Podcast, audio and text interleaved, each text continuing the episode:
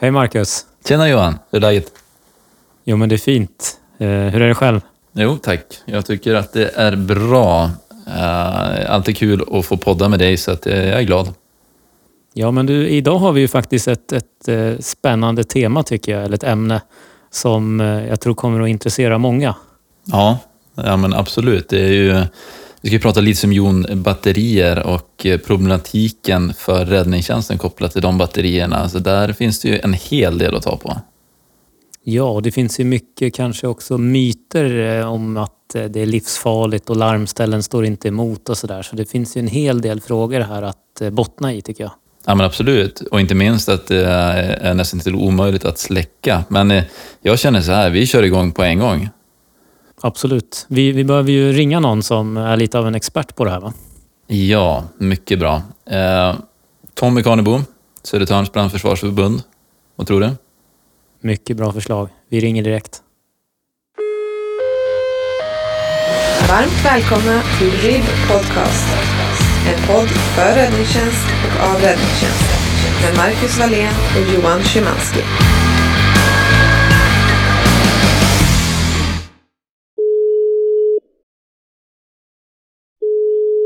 Ja, det är Tommy. Hej Tommy, det här var Johan och Marcus på RIB-podden. Ja, men hej, vad kul att ni ringer. Ja, du, vi har läst lite om den senaste nybilsförsäljningen och vi ser ju tydligt här att elbilar och hybrider går upp i, i försäljning och sådär. Därför så, så är vi lite intresserade av vad det här betyder för räddningstjänsten och, och våra kollegor ute i landet egentligen. Och, och då har vi fått ditt namn här. Eh, så det är därför vi ringer. Ja, men vad trevligt. Det är alltid kul att någon annan nämner den också. Ja, men det stämmer ju. Det, det står ju, det, en nybilsförsäljning i Sverige är ju nästan till någonstans, beroende på vilken märke man pratar om, så är mellan 40 och 60 procent av bilarna som säljs idag någon form av laddbar produkt. Så att det är väl jättebra om vi kan försöka reda ut och stötta våra kollegor där ute med de eventuella frågor och framförallt de förutfattade meningarna som finns. Men du Tommy, då, om man tittar på de här elbilarna, det är ju då eh, framförallt litiumjonbatterier, för att inte nästan säga uteslutande som jag har förstått det. Vad, vad eh, ligger problematiken i där? Ja men det stämmer. Litiumjonbatterier är ju det. Alla, eh, så gott som samtliga bilmodeller som finns idag, allting ner från, allt från så kallade mildhybrider hela vägen upp till eh, fulla elbilar så är det litiumjonbatteriet som man har som den, den hjälpkärran eller den alternativa drivmedlet som man har i bilen och det stämmer alldeles utmärkt. En, det, man har ju gått över nu till litiumjon rakt av. Tidigare hade man lite andra batterier i den familjen. Och den här litiumjonbatteriet är ju en, alltså man måste säga det. Jag har ju suttit och jobbat med de här nu i nästan tre år heltid och det, det, det är en väldigt fascinerande och häftig produkt för att det är ett batteri som klarar av att lagra enorma mängder energi, klarar av att laddas upp och laddas ur väldigt, väldigt många gånger. Och dessutom så klarar den av att hålla sin laddning väldigt länge. Det är just därför de passar så väldigt bra i ett fordon som kräver mycket energi och tar och ger. Just det. Och, och sen så kan de ju då skapa mindre önskvärda situationer också.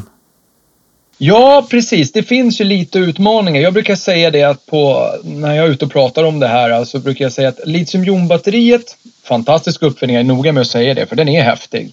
Men den har tre akilleshälar. Det är att batteriet tycker inte om våld, den tycker inte om överladdning och den gillar inte bränder värme. De tre, eh, de tre är de så kallade akilleshälarna på det här batteriet. Men vet man om de tre och inte utsätter sitt batteri för de tre sakerna så är, så är det en fantastisk produkt. Men där kommer utmaningen om man vill stoppa in dem i bilar. För bilar, så länge de körs av människor så har de en förmåga att vilja krocka och då kommer det utsätta batteriet för våld. Vi, har, vi ska ladda vår produkt. Laddar vi produkten på ett felaktigt sätt eller inte på ett säkert sätt så kan vi utsätta produkten för överladdning. Och det sista då att vi har ju tyvärr i Sverige en eh, lite utmaningar i vissa områden där vi har mycket anlagda bilbränder.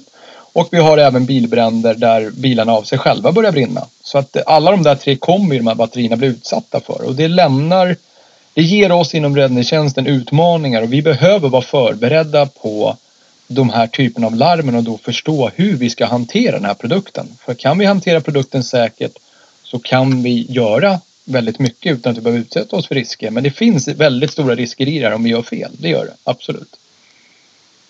Hur, hur kommer det sig att du kan så mycket om det här? Kan du berätta lite om, om varför det har blivit så. Ja, absolut. Det är ju så att jag jobbar ju inom, eh, på Södertörns brandförsvarsförbund eh, och jag har ju jobbat här som brandman nu i 20 år och jag har ju alltid haft en förkärlek för trafikolycka. Jag har varit trafikolycksinstruktör i 15 år och de senaste 10 åren så har jag haft hand om allting som har med trafikolycka att göra. Och för ungefär fem år sedan så gjorde vi en väldig uppdatering i Södertörn på vårt utbildningsmaterial när det gällde trafikolycka. Eh, för att vi behövde göra, hitta nya losstagningsmetoder med mera, med mera. Och då var det en smart person där som sa så här, men ska vi inte kika lite grann på alternativa drivmedel också? Och då satt vi alla som fågelholkar och då ska man vara ärlig och säga att det var jag och en tjej som hette Ellen Färm som slingrade slant. Vem skulle ta fordon med alternativa drivmedel? Och då sa, eh, erkände jag sa att jag förlorade. Idag, I dagsläget så säger jag att jag inte har förlorat. Så att de senaste tre åren så har jag jobbat uteslutande med att lära mig mer om fordon med alternativa drivmedel och då framförallt elbilar. Och där har jag ju jobbat väldigt mycket både nationellt men framförallt internationellt. Där vi har varit iväg i, innan den här tragiska coronan slog till så var vi ju, har vi varit i större delen av Europa och även USA och jobbat. Utbytt erfarenheter, skaffat oss mer erfarenheter och utbildat. Så att, eh, jag har ju pysslat med det här nästan heltid nu i tre år. Mm, spännande. Mm. Då, då kan man säga att du har koll på läget. Ja, jag, jag, hoppas det i alla fall. Eh, framförallt så försöker jag att inte spekulera utan jag försöker ge fakta. Och, så att jag hoppas och tror att jag har koll på det jag uttalar mig om i alla fall. Ja, men det är strålande. Helt klart rätt man som vi har fått tag i här Johan.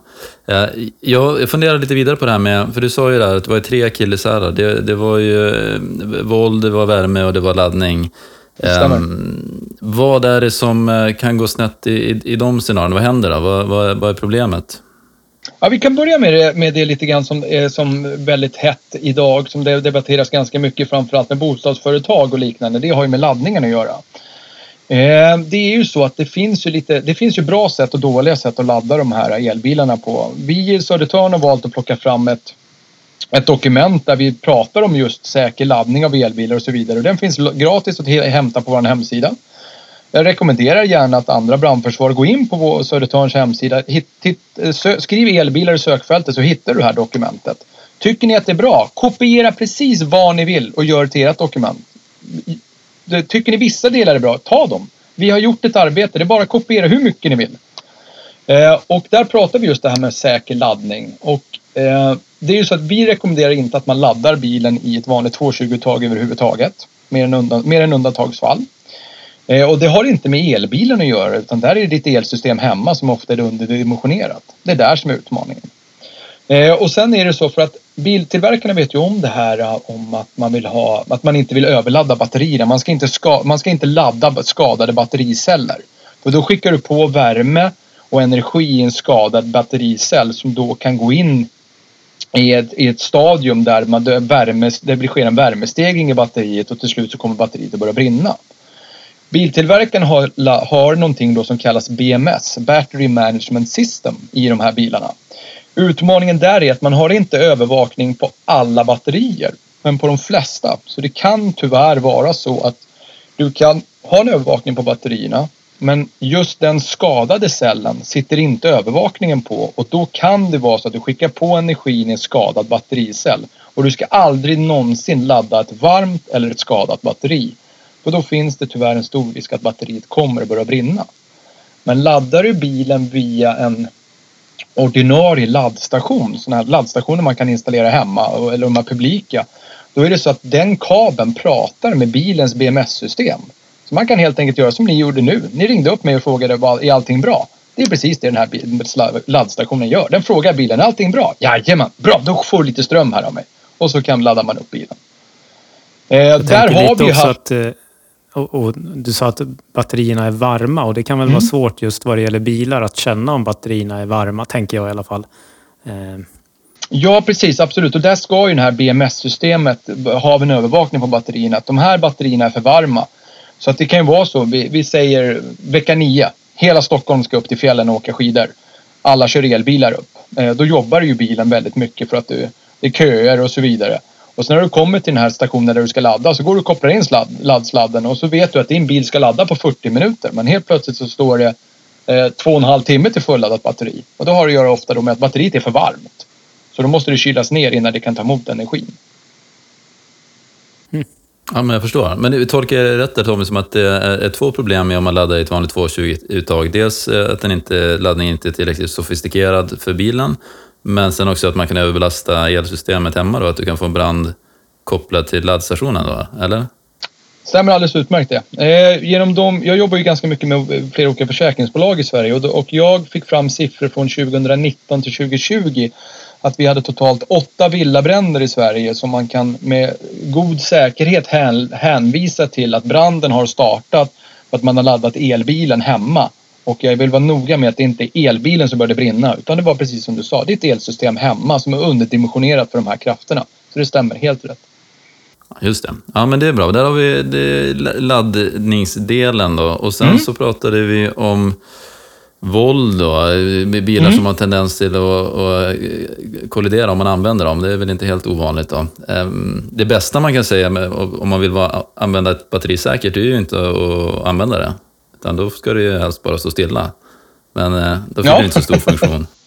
Nej, precis. Framförallt så får vi inga, så, då får vi inga miljövänliga bilar heller om de inte rullar. För då använder vi våra, våra fossila bränslen istället. Nej, men det stämmer det att vet du, eh, batteritillverkarna då, eller fordonstillverkarna. Det är ju så att ju, i dagsläget så är det väldigt, väldigt få förutom Tesla då som har egen batteritillverkning. Utan de flesta köper ett batteri från, i dagsläget så är de största leverantörerna kommer från Sydkorea och Japan. Där de levererar batterier till den europeiska marknaden. Kina börjar komma ordentligt nu också. Eh, min, jag är, blir lite nervös då, min privata åsikt i det här är för att jag tittar ju mycket på batteritekniken i det här och batteritekniken från eh, de sydkoreanska och de japanska batterierna anser jag är betydligt säkrare än de kinesiska batterierna. Men de kinesiska batterierna kommer nu med full kraft och det är framförallt för att de är billigare. Men då bygger det på att fordonstillverkarna bygger en bil och sen så stoppar man in en, tre- en, en tredje komponent då, alltså batteriet här som ska driva fordonet framåt. Och oftast där så har inte alltid batteri, fordonstillverkarna kontroll på vilket typ av batteri de släpper in. Vi har exempelvis här för två månader sedan så återkallade ett väldigt stort märke 70 000 elbilar för att det var defekter i batteriet. Samtliga 70 000 fordon ska in på verkstad och beräknat kosta till 7 miljarder att byta ut de här batterierna. Och då hade det med att göra att man har misstänkt en produktionsfel i batteriet. Batteriet kunde spontanantända. Och det är ju inte jätteintressant när man är ute och kör med bilen och så helt plötsligt börjar det brinna under sätet på en. Ehm, men fordonstillverkarna vet om det här också, vilket gör att fordonsplaceringen eller batteriplaceringen i fordonet på batterierna då, har man alltid valt att lägga i bottenplattan. Eh, jag, jag känner i dagsläget inte till någon fordonstillverkare som har valt att lägga batterier på personbil någon annanstans än bottenplattan. Och det har ju med då både kör, köregenskaper, låg tyngdpunkt, men framförallt batterisäkerheten. Där är batteriet som mest skyddat. Eh, vid frontalkollisioner så ska du upp i hastigheter mm, över 80 km i timmen vid en frontalkollision för att eh, den, de datan jag tittar på för att det ska kunna penetrera och, och eh, vet du, det, bråka med batteriet. Men för att vara på den säkra sidan så säger vi 64 km i timmen eftersom det är kravet från Euro NCAP. Då då. Men de riktiga utmaningarna när det framförallt gäller kollisioner och batteribränder, då är det framförallt sidokollisioner och eh, kollisioner bakifrån. Där har du de stora utmaningarna för att i dagsläget så krocktestas man vid sidokollision i eh, 30 km i timmen mot träd och eh, eh, kollision bakifrån där, prov, där testar man inte dem överhuvudtaget. Och det finns faktiskt ett antal batteri eller fordonstillverkare som har valt att placera batteriet bakom den bakre hjulaxeln. Och de krocktesterna som vi precis har genomfört nu tillsammans med, med ett antal andra brandförsvar så kan vi säga att eh, det var skrämmande att se hur ihoptryckt en sprillans ny bil blev i 80 km i timmen. Hela baksätet försvann och då kan jag lova dig att då är hela batteriet krossat också. Så att här är en jätteutmaning mellan det som vi kallar first and second responders. Då då. Att kunna veta hur vi ska handskas med de här fordonen. För att jag har ställt frågan till när, när jag är ute och föreläser om det här så ställde jag brukar jag ställa frågan till befälen och säga så här när är räddningsinsats avslutad på en, en personbil? Nu vet jag ju om att båda ni två är befäl så då kan jag ställa frågan till er. När är räddningsinsats på trafikolycka personbil 80 km i timmen frontalkollision? När är räddningsinsats avslutad? När de fyra kriterierna har fallit. Det Så, är då ett var vi klara med väldigt- den. Väldigt professionellt och bra svar. För att det är faktiskt inte det de många brukar säga. Men det är helt korrekt. Och så brukar de ofta då ställa tillbaka. När skulle du Tommy säga att räddningsinsats är avslutad? Och då skulle brukar jag säga så här. Ja, efter två veckor. RIB Podcast.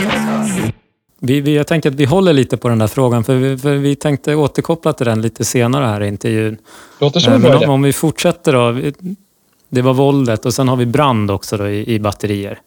Ja, precis. Eh, eh, de flesta fordonstillverkarna, bilmärkena som jag har undersökt och tittat på, klarar av anlagd brand i hytten neråt. Om man säger så. Alltså att det traditionella. Man slår sönder en ruta, kastar in någon form av brännbar vätska och sen går man därifrån och undrar vad det var som hände. Eh, de bränderna klarar elbilar överlag ganska bra. Eh, vi har sett väldigt många exempel där elbilarna faktiskt, batteriet faktiskt, är nästan till oskadat i den typen av brand. Eh, det finns självklart undantag, det gör det ju allt, överallt. Men det som jag ser som största utmaningen med el, med just anlagd brand, det är de här bränderna där man tänder eld på en bil och sen går det hål i soppatanken och så rinner soppan brinnande in under nästa bil och tänder. Eh, tyvärr ett ganska vanligt fenomen i de områden där jag jobbar där vi har lite utmaningar med bilbränder. Och där får du en extrem värmepåverkan på batteriet underifrån koncentrerat på batteriet. Där blir jag, se, när jag ser de bränderna då blir jag nervös. Eh, för att då är jag rädd att batteriet går in i eh, första fasen då som kallas venting. Och det är den då när temperaturen stiger i batteriet. Den kritiska, första kritiska temperaturen på ett batteri är 80 grader.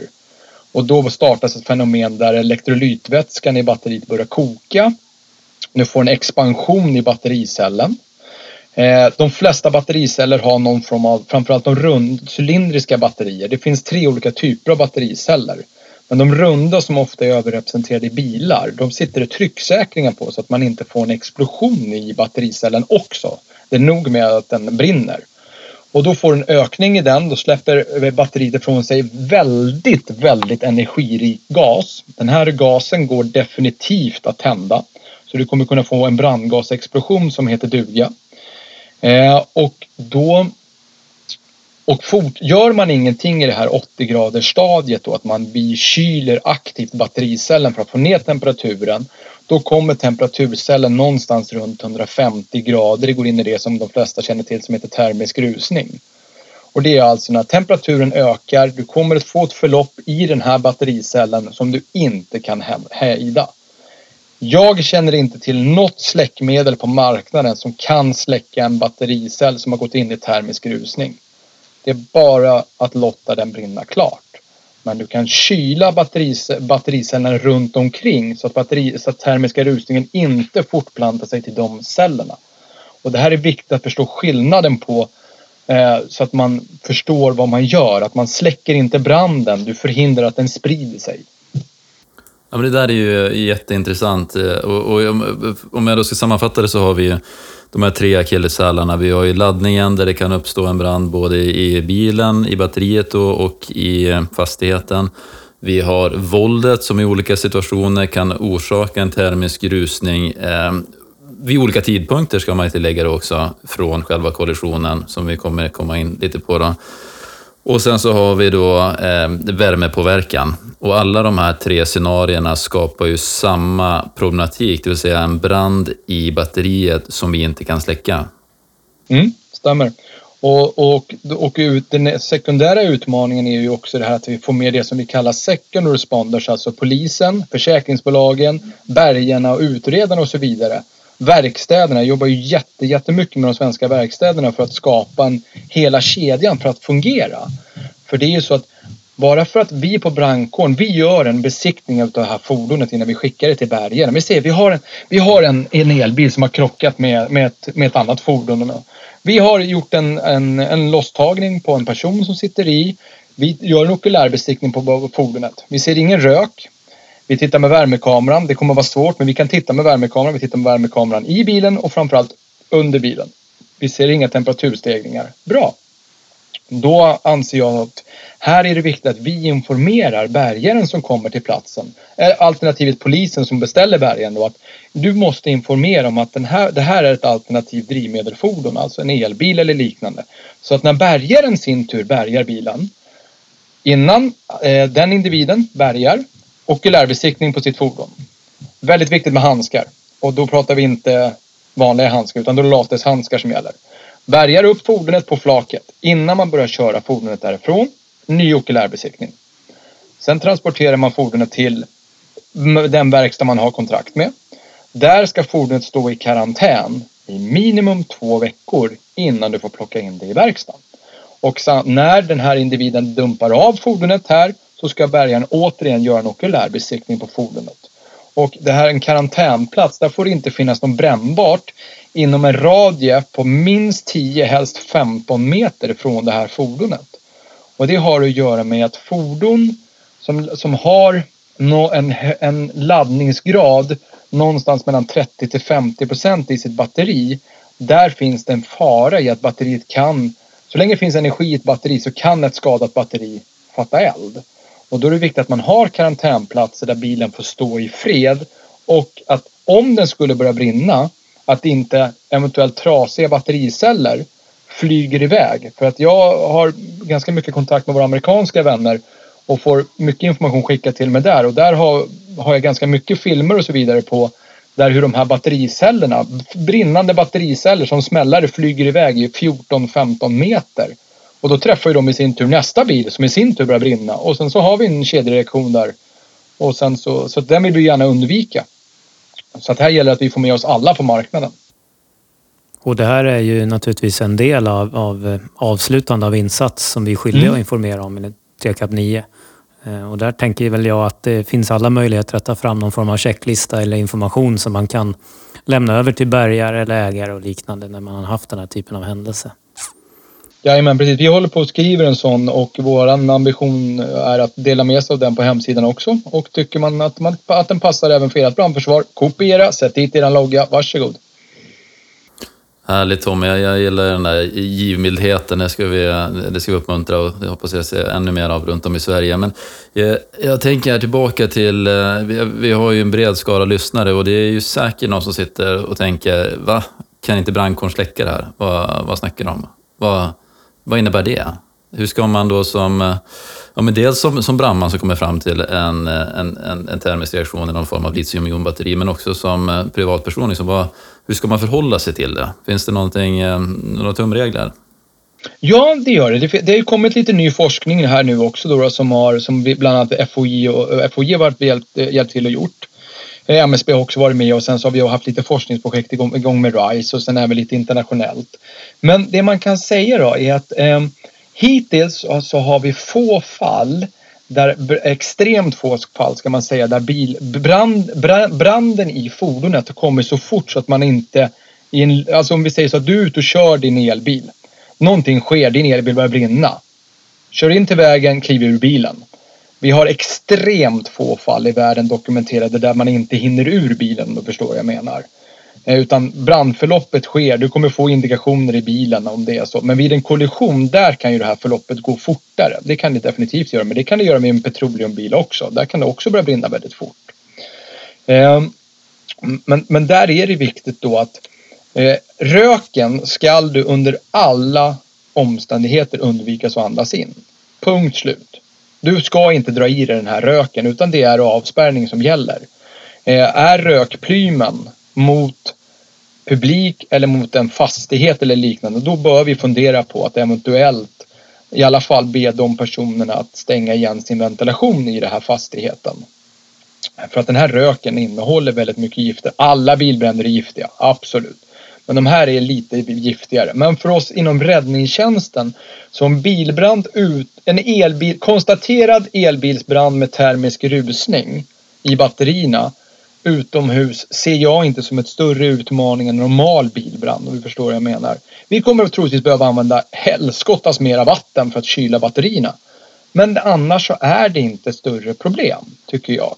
Eh, och det bygger på att röken stiger uppåt och du får inte den koncentrerade mängden. Så att om vi kan jobba med vinden i ryggen PPV-fläkt och släcka på avstånd så utomhus ser jag det inte som ett, som ett jätteproblem. Det här tror jag många kan överdramatisera det. Så utomhus, där känner jag mig ganska trygg och lugn faktiskt i det här. Men utmaningen är ju precis som ni sa, det har ju med att göra med mängden vatten. För att vi har, det finns olika studier gjorda på det här. Det finns olika information då. då. Om man tar extremfallet nu då från våra amerikanska vänner här som skedde för, jag tror för två månader sedan. När en elbil eh, krockar i väldigt, väldigt hög hastighet. Bilen börjar brinna. Väldigt tragiskt är att två personer avlider i den här olyckan. Men brandkåren kommer dit och de bekämpar den här branden i totalt sex timmar tror jag att de gör det. För att den bilen återantänder gång på gång. För det som också är utmaningen med en elbil att batterierna, så länge det finns energi kvar i den så kan de återantända gång på gång på gång. Och den här bilen återantänder, vad jag kommer, om jag förstår kommer ihåg siffran rätt, så är det åtta gånger. Och man gör av med totalt 120 120 000 liter vatten. Alltså 120 kubik vatten gör man av med på den här. Och jag vet inte vad de övriga brandsverige har men i Södertörn så har vi bara 10 kubik på våra, brand, på våra tankbilar så att jag ser lite problem i det här.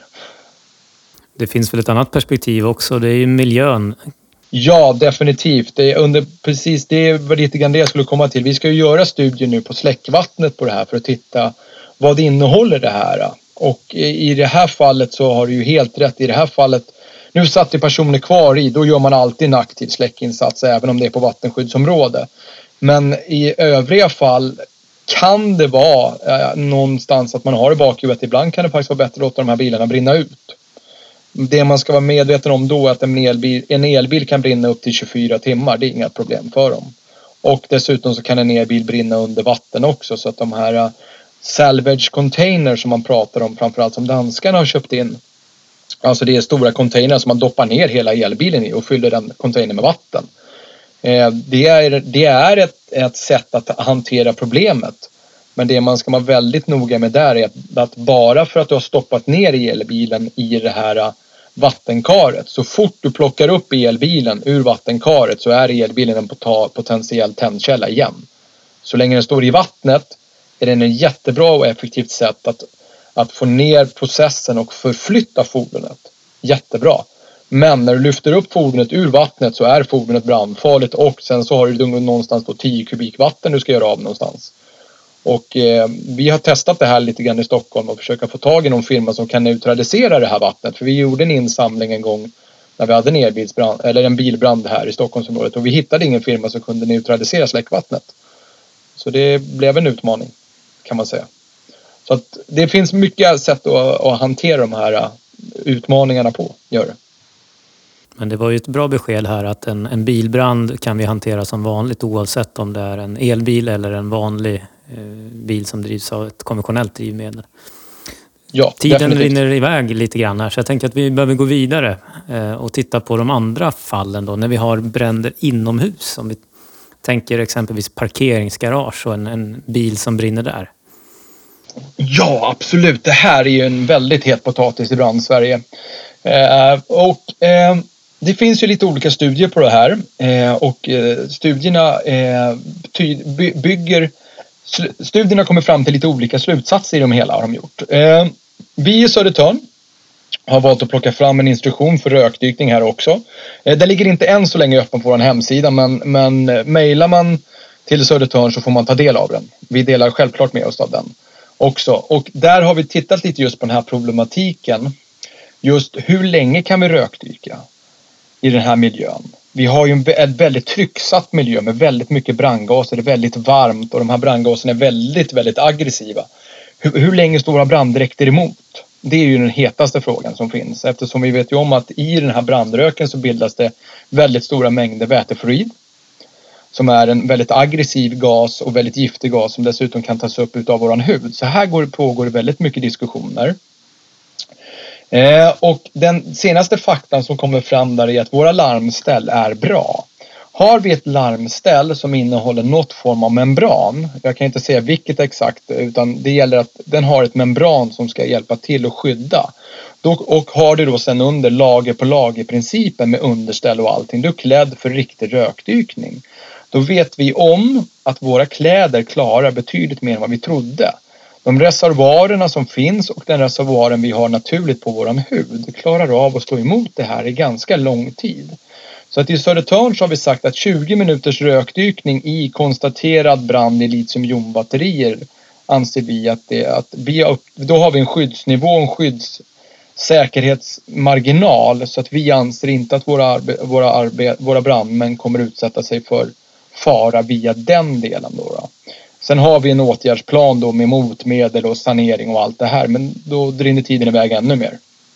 Eh, och den nya forskningen som har kommit fram då, då eh, där sitter vi just nu och jobbar och där tror vi att vi kommer att, uppre att gå upp från 20 minuter till eventuellt 40 minuter rökdykning per individ och insats och fortfarande ha en marginal i, i det här. Eh, och det bygger mycket på den forskningen som FOI och även lite som jag fått lite grann från våra amerikanska vänner. Just hur länge man kan vistas i den här. Så att rökdykning eh, det, det som, har du ett modernt larmställ med ett bra membran i, du har rätt handskar på dig, du har sett till att klättra ordentligt för rökdykning. Så om vi säger att ni två skulle vara befäl över mig eftersom jag är vanlig brandman och vi säger att vi kommer fram, ni två kan konstatera att här inne ska vi göra en släckinsats, vi har de här särskilda riskerna, vi tror att det är en elbil som brinner där inne. Skulle ni säga åt mig att gå in och släcka då så skulle jag göra det. Eh, där, det vill jag vara ganska tydlig med att jag skulle, med den kunskapen jag har så skulle jag definitivt gå in och göra en släckinsats där. Eh, och sen så får vi då ta det därefter då. Hur kan vi göra ventilering? Vad kan vi släcka och så vidare. Men en första insats skulle jag inte ha några problem att göra. Ja, men det är härligt att höra och jag tänker att det är ett eh, positivt budskap, eh, kanske framförallt till, eh, till de mindre kårerna där ute som inte har samma resurstillgång vad gäller framförallt rökdykare i det här fallet. Då. Att, det finns eh, en, en, en, en god möjlighet att göra en längre insats där också, men kanske då framförallt att man har koll på sina rutiner vad gäller avklädnad och att man, att man inte kontaminerar sig i ett senare skede där. Eh, men Tommy, de här, jag måste fråga, liksom, eh, elsparkcyklar och hoverboards och sådana som står på laddning, det är också litiumjonbatterier? Jajamän, och det är litiumjonbatterier av helt annan kapacitet och framförallt helt annan säkerhet mot vad de har elbilarna är. Så eh, om man ska vara ärlig och säga elbilarna, jag ser utmaningar men jag ser, jag ser, hur vi, jag ser en framtid där vi kommer kunna hantera det. Men eh, min personliga åsikt om de här hoverboardsen och elsparkcyklarna och så vidare, är någonting jag är rädd för så är det dem.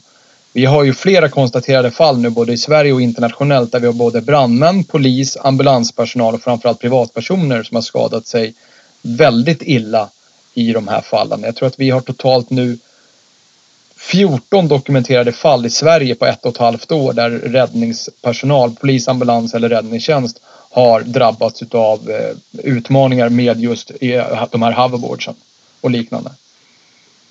Så att de har vi en utmaning i och de har ju också en helt annan säkerhet. De har inte den här BMS, Battery Management System, som de andra har.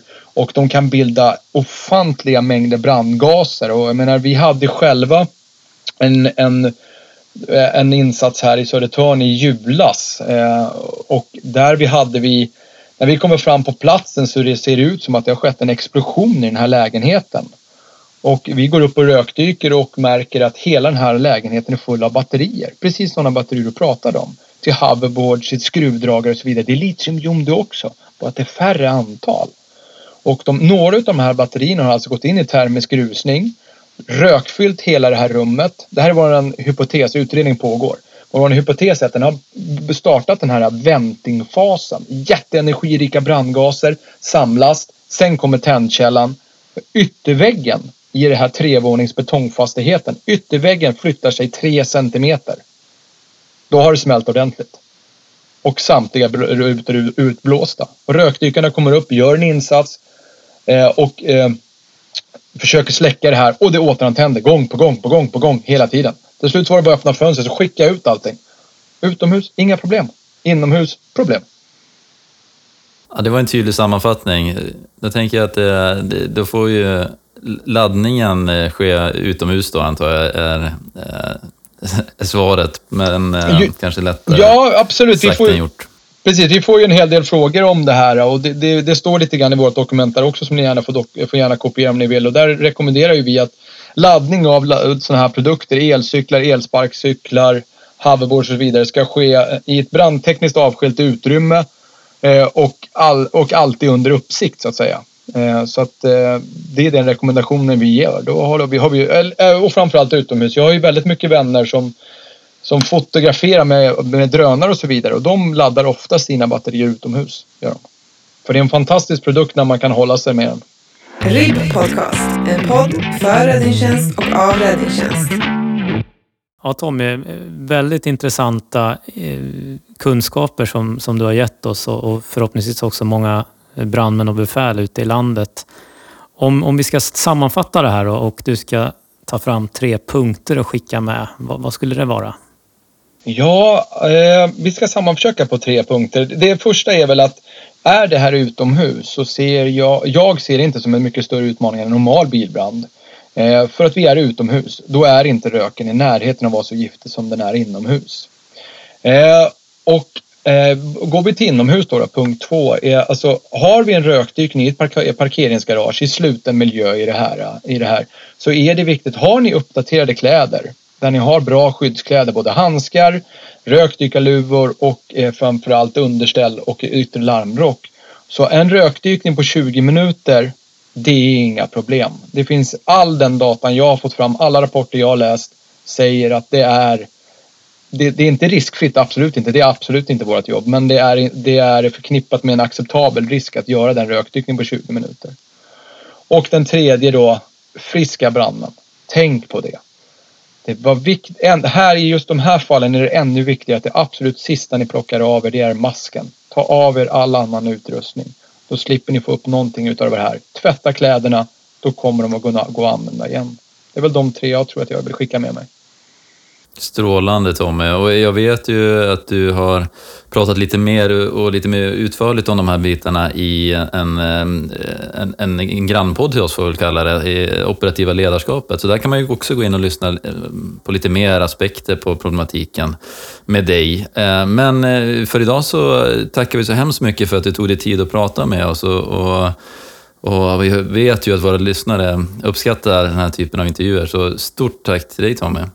Ja, tack så mycket för att ni ville att jag fick vara med. Jättetrevligt. Podcast.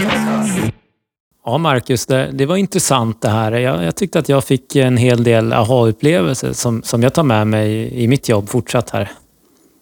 Ja, men absolut. Det är ju ett område som kontinuerligt utvecklas. Det är ganska, får man faktiskt säga, häftigt att vara med om eh, uppstarten av ett sådant centralt ämne eh, i stort. Då. Eh, vi har gått från att eh, inte förstå problematiken till att förstå problematiken och vara oroliga och nu kommer det mer, mer forskarrapporter, inte minst då, som, som ger oss vägledning. Så att, eh, det var nyheter där för mig också. Sen, sen, tänker jag så här att alla de här insatserna som är av sällan händelsekaraktär, vilket ändå vi får lov att säga att eh, litiumjonbränder är, är vi ju lite extra kanske rädda för eller vi har ju respekt för i och med att vi, vi hanterar det inte varje dag. Och jag, jag tycker också att det, det, det, är fullt naturligt att man känner så. så att, eh, det är viktigt att repetera den här kunskapen och sen se till att man, man har det senaste och, och, och kan faktiskt fatta rätta beslut sen när man väl står där som befäl och ska kanske skicka in sina rökdykare i en miljö där det finns bränder i, i den här typen av batterier. Ja men absolut. Och sen så har vi också eh, den här utmaningen och, i att sprida budskapen. Alltså det, den kunskapen vi får till oss, eh, inte minst via våra vänner på förebyggande avdelningarna, att vi får ut det här, se till att vi hanterar batterierna på rätt sätt i vardagen så att vi undviker att vi ska måste hantera bränder. Eh, men sen också som du säger, att när de väl inträffar, att vi vet vad vi ska göra och fatta rätt beslut. Verkligen. Du, vi, vi har aldrig riktigt gått in på det, men, men eh, nu när vi är klara med ett avsnitt så här så, så är det lite efterarbete. Det är inte bara så att podden ploppar upp på, på de olika plattformarna, utan det krävs ju lite hands-on här. Ja, det hade väl varit alldeles förträffligt om man bara kunde trycka på klarknappen och sen få ut det. Men, eh, nej, men vi, det, det är riktigt. Eh, det, vi skickar iväg det till vår kära vän Timmy som redigerar åt oss. Så det är väl Eh, väl på tiden här att vi ger honom lite beröm för den fantastiska Verkligen. hanteringen. Så är det. Och det hade inte gått utan honom det här, utan det krävs ju faktiskt en hel del ljudeffekter och det är klippningar och annat. Så att, eh, ja, ödmjukaste tack. Absolut. Timmy och sen så har vi Adam då, som gör grafiken. Så stort tack till er. Hör du, då är det snart dags för nästa avsnitt. Och vad kan vi förvänta oss då? Har du någon teori? Ehm, ja, du, teorier finns det ju, men eh, vi brukar ju försöka få lite inspel från lyssnarna. Vi har ju hanterat både brand i byggnad, eh, vi har pratat skogsbränningar så mycket och nu har vi eh, litiumjonbatterier här. Ehm, Sommaren kommer. Ehm, jag vet inte om man ska prata lite problematik, speciellt kring sommaren då för räddningstjänst. Kan det vara någonting? Du tänker på semester då eller? Ja, precis. Ja, nej, det vi, vi har nog inget ämne direkt utan eh, vi välkomnar alla inlägg och alla idéer är välkomna så att vi, vi är öppna för förslag. Ja, men precis. Ja, men ta chansen nu, kära lyssnare. Eh, dra iväg ett sms, ett eh, meddelande på Messenger eller skriv på Facebook-sidan eh, RIB Podcast på Facebook. Eh, nu har ni chansen. Ge oss en inriktning. Det får bli dagens slutord. Ha det fint. Ha det gott. Hej. Du har lyssnat på RIB Podcast, en podd för räddningstjänst och av räddningstjänst med Marcus Wallén och Johan Szymanski. Producerad av Timmy Selin, grafik Adam Dahlstedt.